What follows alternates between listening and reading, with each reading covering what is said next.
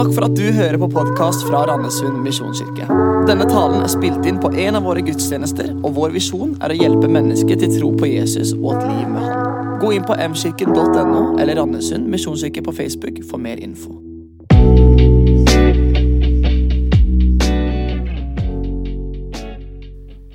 I sommer så leste jeg om en nordmann som vant 485 000 norske kroner. Jeg vet ikke om du leste om ham. Det var tidenes største utbetaling til en eller premieutbetaling i Norge. 485 millioner. Det er temmelig mye penger sånn rett inn på konto. Jeg vet ikke om du har tenkt noen gang hva skulle jeg gjort hvis jeg fikk en slik telefon fra Norsk Tipping? Jeg har tenkt på det et par ganger. Det sies i reklamen at lottomillionærer er ikke som andre millionærer. Og jeg tror det er en sannhet i det. Det er noe med dette 'easy comes, easy goes'. Og det er nok ganske, i hvert fall en del lottomillionærer som opplever at gevinsten den ble veldig fort brukt opp. For eksempel, denne unge gutten i England, Michael Collen, han var 19 år, vant 100 millioner norske kroner da, i, i pund. Og I løpet av ganske kort tid, et par år, så hadde han klart å egentlig sløse bort hele den gevinsten. I dag så er han helt blakk og jobber i en ganske lavt betalt jobb. Det er fort gjort å sløse bort 100 millioner dollar, eller kroner. Og Kanskje har du også lest om denne amerikaneren som heter Jack Whittaker. VG skrev om han for noen år siden. Han vant svimlende 315 millioner dollar. Ja, gjør det om til norske kroner, så, så, er det så mange nuller at vi klart klarer å, å, tenke på det. Han opplevde at etter at han vant det, så fikk han bare trøbbel i livet. egentlig. Livet hadde en sånn nedadgående spiral. han var en som likte å gå litt på byen og ha med seg litt cash. Så han ble rana et par ganger, den ene gangen for en halv million dollar. Det er, kanskje ikke det smarteste du bærer med deg liksom, på en tur på byen. Eh, tragisk eller enda mer tragisk, hans barnebarn eh, døde noen måneder etter at han vant denne, denne eh, premien av en overdose kjøpt, altså med stoff kjøpt fra gave som han hadde fått av sin bestefar. Og noen, Et par år etterpå så dør også hans datter litt på samme måte. Eh, og, og, Han opplever at dette var den premien han aldri ville hatt. egentlig. Og Han sier at hvis jeg kunne gjort det om igjen, så hadde jeg revet i stykker det vinnerloddet. Eh, og Hvorfor tar jeg det opp? Jo, for jeg tror at noen ganger så tenker vi litt sånn om kanskje mange ting at om jeg bare hadde hatt det Kanskje ikke så mange som tenker om jeg bare hadde hatt 485 millioner, men liksom et par, kanskje. ikke sant? Da, én, to millioner, da hadde ting blitt mye lettere. Da hadde det vært bra. Da hadde jeg vært fornøyd. Og så det jo, handler det ikke bare om penger. Det kan være alt mulig vi tenker sånt om. Om jeg bare hadde hatt de mulighetene, om jeg bare hadde hatt de vennene, om jeg bare hadde hatt det sånn, om jeg bare hadde opplevd det, ja, da hadde livet vært bra. Spørsmålet vi i dag skal undersøke, er nettopp dette. Når blir vi fornøyd? Hva skal til for å bli fornøyd? Når har vi nok? Hva skal til for at vi kjenner at vi er der? Ja, nå, nå er jeg fornøyd. Temaet for dagens tale er dette lær hemmeligheten med å være fornøyd. Og Vi avslutter sånn som det har vært sagt, i dag denne serien som handler om smarte valg, hvor vi primært henter temaer og tekster fra Ordspråkenes bok, en bok i Det gamle testamentet. En bok som er litt annerledes, en del av visdomslitteraturen. Og I ordspråkene så er det mye om hvordan vi skal leve med Gud og kjenne Gud, og om Guds ord og holde Hans ord. Men det er også veldig mye sånn praktisk råd. Altså, Hvordan kan vi få et godt liv? Eh, hvilke veivalg skal vi ta i livets mange kryss? Hvordan kan vi velge klokt? Eh, og sånn sett så er det også en veldig eh, interessant bok, spennende bok, litt annerledes bok, som har veldig mange konkrete råd å gi oss. I denne serien så har vi snakka om at visdom er faktisk noe vi kan velge. Vi har snakka om at det går an å vokse i visdom. Vi har tatt opp temaet om latskap og gode vaner. Hvordan forholde seg til formaning om hvordan vi kan bruke våre ord på en god måte. Og I dag skal vi også snakke om dette. Lær hemmeligheten med å være fornøyd. Og Det bibelverset som vi skal ta utgangspunkt i eh, fra ordspråkene, eh, er et veldig festlig bibelvers, syns jeg. Det er, ja, det er flott. Dere skal få det her. For en fattig er alle dager onde. Den fornøyde gjør hver dag til en fest. Bedre å ha lite og frykte Herren enn å ha stor rikdom med uro. Det er jo så kort tekst at den kan vi lese en gang til. For en fattig er alle dager onde. Den fornøyde gjør hver dag til en fest. Bedre å ha lite og frykte Herren enn å ha stor rikdom med uro. Jeg skal be om at Gud kan åpenbare ordet for oss. Himmelske Far, jeg takker deg for ditt ord. Takk for at du har noe også i dagens ord for oss. Inn i dagens situasjon, inn i våre liv, Herre. Og så ber jeg at du skal åpenbare ordet for den enkelte av oss, sånn at vi kan høre noe av din stemme, noe av ditt ord inn i vårt liv, Herre. Eh, og så vet vi at du, du har så mye kjærlighet og så mye godhet for oss, og du vil oss det aller beste. Så Derfor så åpner vi oss opp Jesus, for at du skal også åpenbare ordet inn i våre liv. I ditt navn vi ber. Amen. Den teksten vi leste, så Legg merke til formuleringen av den vi skal være mest i, hvor det står 'Den fornøyde gjør hver dag til en fest'. Er ikke det en artig formulering? Den fornøyde gjør hver dag til en fest. Og jeg tenker, De fleste av oss har vel egentlig lyst til å ha sånne hverdager som er litt mer festlige. At de grå hverdagene og de blå mandagene kan byttes ut til festdager. Med glede, med lys, med, med varme. Det ønsker vi. Og så står det noe om her at det er faktisk en kvalitet, en livskvalitet som er avgjørende. Nemlig det at vi er fornøyd. Og så synes jeg Det er interessant å legge merke til at det står ikke at for den som opplever hverdagen som en fest, han er fornøyd eller blir fornøyd. Ser du at det står andre veien rundt? Det står at den fornøyde gjør hver dag til en fest. Så det der skal vi bore inni denne dagen her. Um, så hvordan blir vi fornøyd, da? Hvordan kommer vi dit? Hvordan på en måte henger dette sammen? En mulighet, en løsning, det er å tenke omtrent som følgende. Om jeg bare får prikk, prikk, prikk, så kan du fylle ut det du tenker på. Så blir jeg fornøyd. Om jeg bare får akkurat det, om jeg bare kommer dit, om jeg bare oppnår det, ja, da blir jeg fornøyd. Og Det er på mange måter det budskapet som møter oss i markedsføring og i reklame. Markedsføring handler på mange måter om å minne meg om det der som jeg egentlig savner, som jeg ikke visste at jeg savna. Skjønner du? Jeg ser et eller annet i markedsføringene, og så, så tenker jeg ja, det, det kunne jeg jo godt ha tenkt meg. Jeg har ikke tenkt på det før. Men reklamen gjør at jeg tenker ja, det, det så bra ut, det har jeg lyst på. Og så kan selvfølgelig da butikkene eller bedriften hjelpe meg med akkurat det. Som jeg har fått lyst på sånn helt plutselig. Og så er det noe med disse markedskreftene som er så smarte. Det er så smarte at jeg lurer noen gang på om de kan lese tankene mine. For hvis jeg har googlet fjelltur, så dukker det opp reklame fra fjellstøvler, fjelltelt, ryggsekk, primus ja, Alt hva jeg egentlig trenger på en fjelltur. Det er litt creepy. Jeg pleier å slå av alt det der jeg kan av sånn målretta reklame. for jeg, jeg synes det er litt sånn, føler meg overvåka. Og så er det jo sånn at Hvis jeg kjøper noe, da, ja, så er det også noen der ute som vet at du trolig vil like prikk, prikk, prikk. Har dere opplevd det? Eller følgende Andre kunder har også sett på prikk, prikk, prikk. Og det aller verste det er at denne andre som har kjøpt dette produktet, har også kjøpt og så er det henvisning til et annet produkt. For da kjenner jeg at ja, men da må jeg ha det òg. Hvis, hvis andre har det og har kjøpt det sammen med dette produktet, så, så, må jeg også ha det. Og så er det jo sånn at jeg da fyller kanskje handlekurven, og så tenker jeg at nå blir jeg fornøyd. Og Så finnes det heldigvis at i det veldig mange sånne butikker de har fornøydhetsgaranti. Eh, så det er jo bra. Problemet er at vi ofte ikke blir fornøyd så veldig lenge. Nettopp fordi vi hele tiden blir minnet om hva vi ikke har, eller hva andre har kjøpt, eller hva som finnes av muligheter.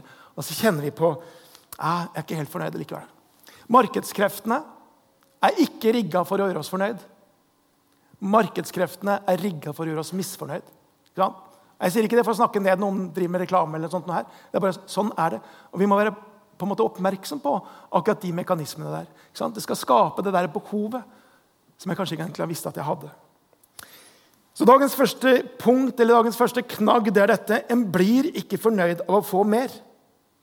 Isolert sett så kan man kanskje bli veldig fornøyd en kort stund, men det varer stort sett ikke så veldig lenge. og jeg tror Det er ikke bare jeg som har erfart det. Og så handler det selvfølgelig ikke bare om penger eller materielle verdier. Jeg tenker Alt vi kan sette inn i denne formelen 'når jeg bare får', og så prikk, prikk, prikk, så blir jeg fornøyd. Så kan man sette inn der 'når jeg bare får de vennene', 'når jeg bare får en kjæreste', 'når jeg bare eh, får den friheten', 'når jeg bare får det', da blir jeg fornøyd. Da vi flytta til Arendal som familie i 1996, så hørte jeg mange snakket om en sykdom som jeg ikke hadde hørt om før. De, de snakka nemlig om trefotsyken. Vet dere hva det er? Ok, Så det er ikke bare et arendalsfenomen, det er kanskje et sørlandsfenomen. For jeg som kom fra Østlandet, jeg ante ikke hva det var. Jeg trodde de snakka om en eller annen fotlidelse. Men det var ikke det. Det var nemlig det at lykken for en arendalditt, det var å kunne få en båt som var litt større enn den båten man hadde. Ikke mye, kanskje tre fot. Og så tenkte man, for Da får jeg jo plass til at noen får overnatte, og jeg får litt mer større plass. sånn, og så videre, ikke sant? Litt større. Så kjøper man den båten som er litt større. Og Neste sommer så har man det jo fint, men når man kommer på høsten, så tenker man nei, skulle jo egentlig hatt den der båten som var modellen større, hakket større. For da kunne vi liksom ha overnattingsturer. Og, og så er man i gang. Av den grunn navnet Trefotssyken. Og så tror jeg ikke det er bare båtfolk som har det sånn. Sånn har vi det på mange av livets områder. Og så er det jo en bok i Bibelen som liksom har dette som et slags hovedtema, nemlig det at vi, vi blir aldri tilfreds av å få mer. Boken 'Forkynneren', som vi hadde taleserie om i fjor, på denne tiden her, hvor det bl.a. står i kapittel 5 vers 9 Den som er glad i penger, blir aldri mett på penger. Den som elsker rikdom, får aldri vinning nok. Også dette er forgjeves. For når er det nok, liksom? Og Forkynneren sier, Salomo, som ikke bare var den viseste, men også en av de rikeste, han sier man får aldri nok. Det er alltid noe mer å strekke seg etter. Det er alltid den der opplevelsen av at noen har mer. Han kaller det jag etter vind. En veldig interessant studie fra 2018 gjort i USA undersøkte hvem som opplever seg selv som rik og som fattig. En delte respondentene inn i fem ulike grupper ut ifra hvor mye de tjente. og de, Den laveste inntekten var de som tjente under 200 000 i samla årsinntekt. Som tjente mest, det var gruppen som tjente fra 900 000 og oppover eh, i året. Over millionen. Og Det som er interessant, det er jo at opplevelsen av å være fattig ja, den går egentlig gradvis nedover, sånn som vi skulle tro. Men det som er veldig rart å se, det er at opplevelsen av å være rik den er faktisk ganske stabil. Det var faktisk sånn at 2% av de som tjente 200 000, altså det er man under fattigdomsgrensen, ja, de opplevde seg sjøl som rike. Og så endrer det tallet seg bare egentlig marginalt oppover. Sånn at til og med de, de som tjente da, fra 600 til 900 000, ja, som er jo en høytinntektsgruppe, ja, de opplevde seg sjøl. Der var det fire som opplevde seg selv som rike. Ikke mer. Er ikke det underlig? Og faktisk er De som tjener fra millioner oppover, så er det bare ni som tenker om seg selv som rike. Og I den gruppen er det faktisk fem som opplever seg selv som fattige. Hva betyr det? Jeg tenker Det sier i hvert fall noe om at det er ikke tallet på lønningsseddelen som forteller eller som sier noe om vi kjenner oss fattige eller ikke. Det må være noe annet. Uansett hva vi tjener, uansett hva vi eier, uansett hvor langt vi har kommet i et eller annet område, så er det alltid noen som tjener mer, eier mer, har kommet lengre. Og så sammenligner vi oss alltid med de som har mer, har kommet lengre. Og når vi sammenligner oss med andre, så har det en iboende kraft i seg til at vi blir misfornøyde med det vi har. Jeg er sikker på at det er veldig mange som var kjempefornøyd med sin iPhone 11 helt til denne uka, hvor tolleren ble lansert. Og Plutselig så var det ikke så stas sånn som det var. Og Plutselig så er det noen, en eller annen som er alltid først, som kommer trekkende med tolleren, og så liksom kjenner man at kan nesten ikke ta fram elveren. skjønner du? Sammenligning har denne kraften i seg til å gjøre oss misfornøyd med det vi har. Å sammenligne med andre sier Ronald Ziegler ved Harvard Medical School, han jobber med psykologi, han sier at når sammenligning kommer inn, forsvinner gleden ut. Det høres ikke ut som en doktoravhandling, akkurat det her, men jeg tror det er mye sant i det. Når vi sammenligner oss med andre, så forsvinner mye av gleden. Og Slik sett så tenker jeg det er mye livsvisdom og mye god livsveiledning i det siste av de ti bud hvor det står du skal ikke begjære din nestes hus, du skal ikke begjære din nestes kone, slaven eller slavekvinnen hans, oksen eller eselet hans eller noe annet som hører din neste til. Og så er kanskje ikke vår utfordring liksom vår, eh, altså naboens slave, okse og esel. på en måte, Men vi, vi, skjønner poenget. Vi skjønner at når vi på en måte begynner å se med det blikket der, så føder det noe her. Når vi begynner å sammenligne oss, og så tenker jeg, jeg skulle gjerne hatt det, og så skjer det noe her inne. Og det er jo sånn av en eller annen grunn at gresset det ser alltid grønnere ut på den andre siden. Og så kan det se ganske dumt ut når du ser et dyr som liksom skal absolutt over gjerdet. Og så tenker jeg mange ganger så er vi sånn. Det er noe med denne sammenligningen. Så I det tiende bud så tenker jeg at Gud gir oss et wake-up call. Ikke la misunnelsen vokse deg. Ikke fòr det begjæret. Så om ikke det er det å få mer da, som gjør oss fornøyd, hvordan i alle dager kan vi da finne en måte å leve på hvor vi blir fornøyde og lever tilfredse liv? Og For å se en annen vei så skal vi gå til Det nye testamentet. Til Paulus' brev til filipperne, kapittel 4, vers 11-13, hvor Paulus sier følgende.: Jeg sier ikke dette fordi jeg har manglet noe. Og Legg merke til setningen som kommer nå. For jeg har lært å være fornøyd med det jeg har. Jeg vet hva det vil si å leve i trange kår. Jeg vet også hva det vil si å ha overflod. I alt og i alle ting er jeg innviet. Både å være mett og sulte. Både å ha overflod og lide nød. Alt makter jeg Han som gjør meg sterk. Paulus han sier han vet hva det vil si å ha overflod. Han vet hva det vil si å sitte i et flott hus og ligge i en komfortabel seng og spise seg eh, stappmett. Han vet hva det er. Og så sier han samtidig men jeg vet også hva det er å lide nød. Og ikke ha tak over hodet. Og sulte. Og så sier han men jeg har lært meg noen ting. Jeg har lært å være fornøyd med det jeg har. Og Når Paulus sier det, så er det ikke sånn lettvint, sånn som noen på en måte bare slenger ut av seg. Det er liksom, men Når Paulus sier det, så har han jo kjent på det og levd i det. Og han skriver dette brevet fra en fangecelle i et romersk fengsel. Han var sikkert sulten og hadde vondt i hele kroppen når han skriver det. Og så sier han, men jeg har lært å være fornøyd med det jeg har. Og Legg merke til at Paulus sier at han har lært. Han har lært det her. Det er ikke sikkert at det var noe som lå naturlig for ham. Vi kan fort tenke sånn om de som klarer seg med lite, at liksom det, ligger, det, er så lett for dem. Paulus sier det er noe jeg har lært. Antageligvis så kom Paulus fra en rik og en privilegert familie. Han visste noe om hva det var å ha mye. Og så var det en skole han måtte lære, og det faktisk å være fornøyd med det han hadde. Det å ønske mer, det å stadig ha det neste, det nye Ha, ha mer av det som vi savner, det, jeg, det ligger så utrolig naturlig for oss barn eller for oss mennesker. Om du har sett små barn som sitter eh, gutt for eksempel, som sitter og leker med en eller annen leike og har det veldig bra. Så, så liksom alt er bra helt til det kommer en, en, et annet barn inn i det bildet med en annen leike. Så kan du noen ganger se hvordan den der leiken de hadde, blir fullstendig uinteressant. Og man bare slipper det. Det eneste handler om, det er å få tak i den andre leiken som den andre hadde.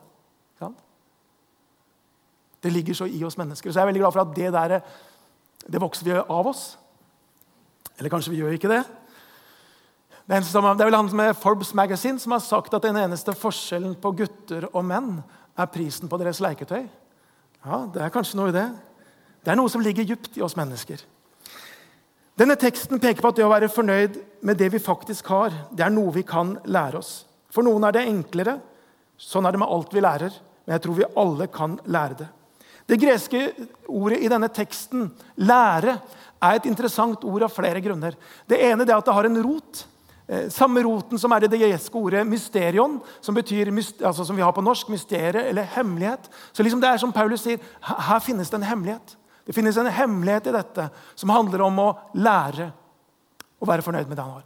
Det er et livshemmelighet som er edelt metall og edelt gull for den som finner det. Så Det er det ene som vi kan hente ut av ordet. Det andre er at dette ordet er et ord som brukes ikke om hodekunnskap, men som brukes om en, en måte, livskunnskap. Nemlig at når kunnskapen blir en del av det vi velger og det vi gjør. Og jeg tror det er veldig mange eh, som på en eller annen prøve kunne ha svart rett på spørsmålet blir man fornøyd ved å ha mer. Jeg tror veldig mange ville tenkt ja, det blir man ikke. Men når vi skal leve vårt liv, når vi skal velge hva vi skal bruke tid, krefter og energi på, så er det ofte det vi allikevel velger. Vi bruker all vår krefter og all vår tid for å få mer. Så vet vi at vi dypest oppi her i hvert fall, at vi ikke blir mer fornøyd. Men det der å la den kunnskapen, den bevisstheten, bli faktisk det vi lever ut, ja, det er det som er definisjonen på visdom. Det er god livsvisdom å lære seg å være fornøyd med det en har. Ifølge Bibelen så handler det om å være fornøyd mer om hva som er i hjertet, enn hva som er på kontoen. Å være fornøyd betyr ikke at vi har alt vi ønsker, men at vi lærer oss å være fornøyd med det vi har. Å være fornøyd handler ikke nødvendigvis om at situasjonen omkring oss er optimal, men at vi lærer å leve med den situasjonen slik den er. Så har jeg lyst til å si også at, at Det betyr jo ikke at ikke det er plass for klagen, for sorgen, for, for, for, opplevelsen av å være urettferdig behandla i måte, det kristne livet. Det er ikke en type herlighetsstrategi som Bibelen her forkynner. Eh, Salmenes bok er jo full faktisk av klager og klagesalmer. Det en egen bok i Bibelen som heter Klagesangene. til og med. Når vi leser disse salmene, så ser vi hvordan salmistene, David og de andre, hvordan de på en måte bare tømmer hjertet sitt for alt de har der av hva som er vondt og vanskelig og urettferdig, og at Gud er langt borte osv. Men så er det allikevel i salmene en sånn understrøm av håp, av tro. Og så vender ofte salmene, sånn som Salme 73 gjør. Etter at salmisten har liksom klagd alt som er galt, så står det i vers 22 der Men jeg blir alltid hos deg. Du har grepet min høyre hånd. Du leder meg med ditt råd, og siden tar du mot meg i herlighet. Så midt i klagen så finnes en sånn, en sånn understrøm eh, av tro, av håp og av Gud. Paulus forteller i 1. Korinterbrev, kapittel 12, om hvordan han en gang ba til Gud om at Gud måtte ta bort noe som han kjempa med. Han hadde en smerte, eller en, en, noe som var vondt, noe som han sjøl kaller en torn i kjødet. Og så står det at han ba på et tidspunkt Gud tre ganger om å fjerne dette. Han ber, 'Kjære Gud, må du ta, må du ta det vekk.' Må du ta vekk denne lidelsen? Og Gud gjør ikke noe, og så ber han tre ganger om det. Og så får han et svar, som ikke er at Gud tar det bort, men han får følgende svar. Min nåde er nok for deg, for kraften fullendes i svakhet. Og Paulus' respons da i vers 10 er dette. Han sier, 'Derfor er jeg fylt av glede når jeg for Kristi skyld er svak.' 'Blir mishandlet, er i nød, i forfølgelse og angst.' For når jeg er svak, ja, da er jeg sterk. Og så er ikke det en gal manns ord, men det er en mann som opplever at det jeg har i Gud, det er dypest sett nok. Det holder. Det jeg har i Guds nåde, ja, det rekker. Og selv om på en måte situasjonen ikke ble endra, så fikk han likevel denne tryggheten om at Gud er der midt i den situasjonen. Og da bærer det. Da holder det. Hemmeligheten til å være fornøyd ligger ikke i hva Paulus hadde, eller hva han hadde oppnådd, men det handler om hvem han møtte på veien til Damaskus. Den oppstandende Jesus Kristus. Og Der er nøkkelen til at Paulus kan også si jeg har lært å være fornøyd. Paulus hadde møtt han som var rik, men som ble fattig for vår skyld, slik at vi skulle bli rike ved hans fattigdom. Paulus var ikke fornøyd først og fremst fordi han hadde fått alt han ønska seg, men fordi han hadde erfart at han var dyrt kjøpt, sånn som Paulus bruker som et uttrykk mange ganger. Og Da er vi over i det tredje punktet. Det er ikke hva du eier, som gjør deg fornøyd, men hvem som eier deg.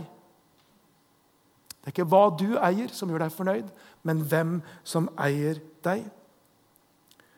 Paulus sier at grunnen til at han har lært seg å leve godt og være fornøyd om han har lite eller mye, det er dette at alt makter jeg i Han som gjør meg sterk. Dette bibelverset det bruker vi ofte sånn litt sånn alene og litt utenfor sammenhengen, men det er faktisk sagt inn i nettopp denne sammenhengen her. Om å møte overflod. Og det kan noen ganger være en tung bør å bære. Å møte fattigdom. Og så sier han at jeg kan møte begge deler. For at alt makter jeg i Han som gjør meg sterk. Alt makter jeg når jeg har Jesus. Når jeg har Jesus, så rekker det. Fellesskap med Han som er himmelens og jordens skaper. Venn med Han som har gitt sitt liv for meg. Han som gir tilværelsen mening. Det å kunne våkne opp hver eneste morgen og vite at nåden, den er ny. Det å kunne få lov til å kjenne Han som bærer hele tilværelsen i sine hender. Det å kunne ta opp Bibelen og lese og så erfare at Gud likedanner oss med Kristi bilde. Kjenne at det er lys her inne, selv om det er grått der ute. Og så sier Paulus det er det. Alt makter Han som gjør meg sterk. Og da, da kan jeg tåle dette, både å ha mye og ha lite. Og Det er jo dette David snakker om også i Salme 23. Og Dere kjenner den salmen hvor det står 'Herren er min hyrde'. Altså, Hvordan fortsetter det? Jeg mangler ikke noe. Erfaringen av at når Herren er min hyrde, ja, da kan jeg faktisk falle til ro. Jeg kan finne hvile, og i det så ligger det en frihet. Jeg kan være fornøyd. Jeg mangler ikke noe. Og Denne på en måte linja, denne tråden, dette perspektivet finner vi igjen og igjen og igjen i Bibelen. Ikke bare i ordspråkene, ikke bare i salmene. F.eks. i brevet til hebreerne så står det La deres ferd være fri for pengekjærhet, så dere er fornøyd med det dere har. Kommer den frasen igjen? For han har sagt, 'Jeg skal ikke slippe deg og ikke forlate deg'. Når vi har den erfaringen, en Gud som ikke slipper oss, som ikke forlater oss Når vi har den erfaringen at Herren er min hyrde, ja, så kan vi faktisk leve et liv og være fornøyd, selv om situasjonen er sånn eller sånn. Og Det er noe av dette perspektivet. I kristen tro handler det ikke om et teknikk hvor på en måte man legger liksom livet ned eller ikke ønsker noe eller ikke håper noe. Um, hvor det handler om å utslette begjæret, sånn som i buddhismen. For eksempel. det er ikke det, Men det handler om å finne Han som kan fylle alt i meg. Da kan jeg erfare dette livet. Som ganske ung tenåring så leste jeg historien om Johnny Eriksson. En ung kristen jente som da hun var 18 år eh, ja, så var i en stupulykke og brakk nakken og ble lam fra halsen og ned. Jeg husker at Det gjorde sånt inntrykk på meg, fordi jeg tenkte hvordan er det mulig å på en måte ha et liv foran seg. Hun var ung når dette skjedde. Og så på en måte være lam fra halsen ned. Og så har Joan Eriksson virkelig gjort på en måte alt ut av den tilværelsen. Hun er kunstner. Hun eh, er forfatter og har skrevet mange bøker som har solgt veldig bra i USA. Hun er en forkynner. Hun har jobba i radio. Altså, hun har et så rikt liv til tross for sitt handikap. Og På en lokal kristen radio så ble hun intervjua for, for, noen år siden. tre-fire år siden. Og så sier Hun hun sitter der i en sånn spesialtilpassa rullestol og så sier hun følgende Jeg takker Gud for min situasjon. Jeg takker Gud for denne rullestolen. Og Så forteller hun hvordan det har gjort at hun er nødt til å stole på Jesus på en helt annen måte. Hvordan det har gjort at hun har en helt annet forhold til Gud enn det hun jeg trodde hadde hatt. Og så sier hun jeg ville ikke hatt det annerledes. Og så kjenner at I møter med slike som henne så blir en veldig ydmyk. Eller ta Daniel, som vi akkurat har samla inn en gave til. Og eh, Som også har vært gjest hos oss, bl.a. på adventsmøtene for noen år siden. Og Han forteller fra denne plattformen hvordan han før han kom til Norge, så bodde han i en stor villa 600 kvadrat med tjenere, med, med, verdier som de på en måte kunne forsyne seg av. Men han sier men jeg hadde ikke fred i hjertet. Og Så kom han til Norge. Han møtte Jesus. Bodde veldig lenge på 30 kvadrat eh, i en leid leilighet. Og så sier han men nå har jeg fred i hjertet. Altså, Jeg vil ikke bytte det bort for alt i verden. Paulus peker i denne teksten på at å lære å være fornøyd ikke er spørsmål om hva en har, men det handler om hvem en kjenner. Det handler ikke om hva jeg eier, men hvem som eier meg. Det siste jeg har lyst til å peke på ganske kort, er at å være fornøyd er ikke å få alt du ønsker, men å forstå hva du faktisk har. For vi har så utrolig mye å være takknemlige for. Jeg tror som veldig mange av oss tar for gitt, vi som bor i dette landet. Bare det å ha mat på bordet, det å ha tak over hodet, det å ha en jobb å kunne gå til, eller et studiested å kunne gå til, det gjør oss til at vi er blant de aller mest privilegerte i hele verden. Blant de øverste prosent, blant de øverste promille i hele verden. Og så tenker jeg Så ofte så tar vi det for gitt. Vi tenker på det som en selvfølge. Istedenfor at det er faktisk noe vi er dypt takknemlig over. For noen år siden så hadde vi i menigheten her besøk av musikere og sangere fra En av de sorte kirkene i New Orleans. sikkert mange av dere som husker Det det var en opplevelse. Det var musikklærer Syver på Ansgarskolen som hadde invitert de over. Eh, og Det var flott å møte dem, men, men de forteller også, etter å ha vært litt rundt i Norge, etter å ha sett natur og møtt mennesker, så sier Syver hva tenker dere? Hvordan opplever dere Norge? Og så sier de This is heaven. sier de. Dette er himmelen. Ja, ja alle er rike. Det er så pent rundt omkring. Det er så vakkert. Eh, folk er så vennlige, de er så respektfulle, selv mot oss som er sorte. Og så sier de sånn må himmelen være. Og Så hørte jeg Syver si det, så tenkte jeg hm, det er jo ikke alltid det jeg tenker om Norge. Jeg kan fort irritere meg over ting eller finne det som er feil. Feilsøking er så fine på. Men jeg tenker i møte med noen av kristne brødre og søstre fra andre steder i verden, så tenker jeg så kan de lære oss så mye om takknemlighet. Om hva vi faktisk har å takke for. Det er en som har sagt det slik Hemmeligheten med å være fornøyd og takknemlig er å oppdage at livet er en gave, ikke en rettighet. Tenk litt på det. Hemmeligheten med å være fornøyd og takknemlig er å oppdage at livet er en gave og ikke en rettighet. Og et velferdssamfunn som vi er en del av, så er det så lett å tenke på alt det gode som liksom rettigheter. Men livet dere, det er virkelig en gave. En fantastisk gave som dypest sett Gud har gitt oss. Og Gud har gitt oss alt som vi kan takke for. Og Det å praktisere takknemlighet det hjelper oss å forstå hva eh, vi har. Og det hjelper oss å være fornøyd. Og Det er et valg også vi kan ta. Man kan velge faktisk å praktisere takknemlighet. Man kan velge å bli bevisst på det og, og takke Gud for maten, for at vi har et sted å bo osv. Slik sett er det et utrolig godt råd som gis oss i 1. Tessalonikerbrev, hvor det står Takk Gud under alle forhold, står det. For dette er Guds vilje med dere i Kristus Jesus. Og Når Paulus skriver dette brevet, så er det til en menighet som faktisk står midt oppe i en krevende tid. De opplever forfølgelse. Og nettopp disse oppfordres til å takke Gud under alle forhold. Også den forfølgelsen som de erfarer. Eh, og så er det ikke først og fremst fordi Gud trenger det, men det er først og fremst fordi at de trengte det. Og Sånn trenger også vi, du og jeg, å takke Gud for den situasjonen som vi har. Paulus, Når han skriver til Tessalonikerbrevet, så kan du lese der om at han minner dem på alt de har å takke for. Bare tenk, liksom, De står der, og så, så er det som om det brenner under føttene på dem. De, deres liv er ikke trygge. De opplever trakassering, de opplever konkret forfølgelse. Og så peker Paulus på følgende at de er elsket av Gud. De er utvalgt av Han. De har et håp om en himmel, om at en dag kommer Jesus igjen og setter alt i rette stand. At de har fått erfare denne hellige ånd i sitt liv, osv. osv.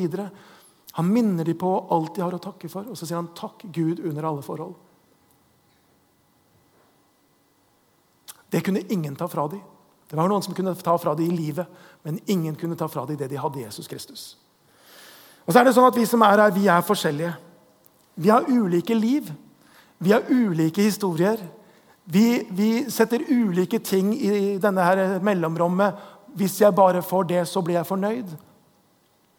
Men jeg tror alle sammen så har vi noe å lære av disse bibelordene som har vært innom i dag. Om det der at det går faktisk an å lære seg å være fornøyd. Og at når vi er fornøyd, ja, så gjør det faktisk noe med livskvaliteten. Hver dag blir en fest, var det uttrykt i ordspråkene. Vi kan lære oss å være fornøyd, og vi kan begynne å praktisere takknemlighet og takke Gud for det som vi er gitt, og det som vi har. Og i hvert fall så kan vi takke Gud for det han har gjort for oss. Vi kan takke Gud, sånn som vi sang i den sangen her, 'Reckless Love', at hans kjærlighet mot oss er nærmest uansvarlig.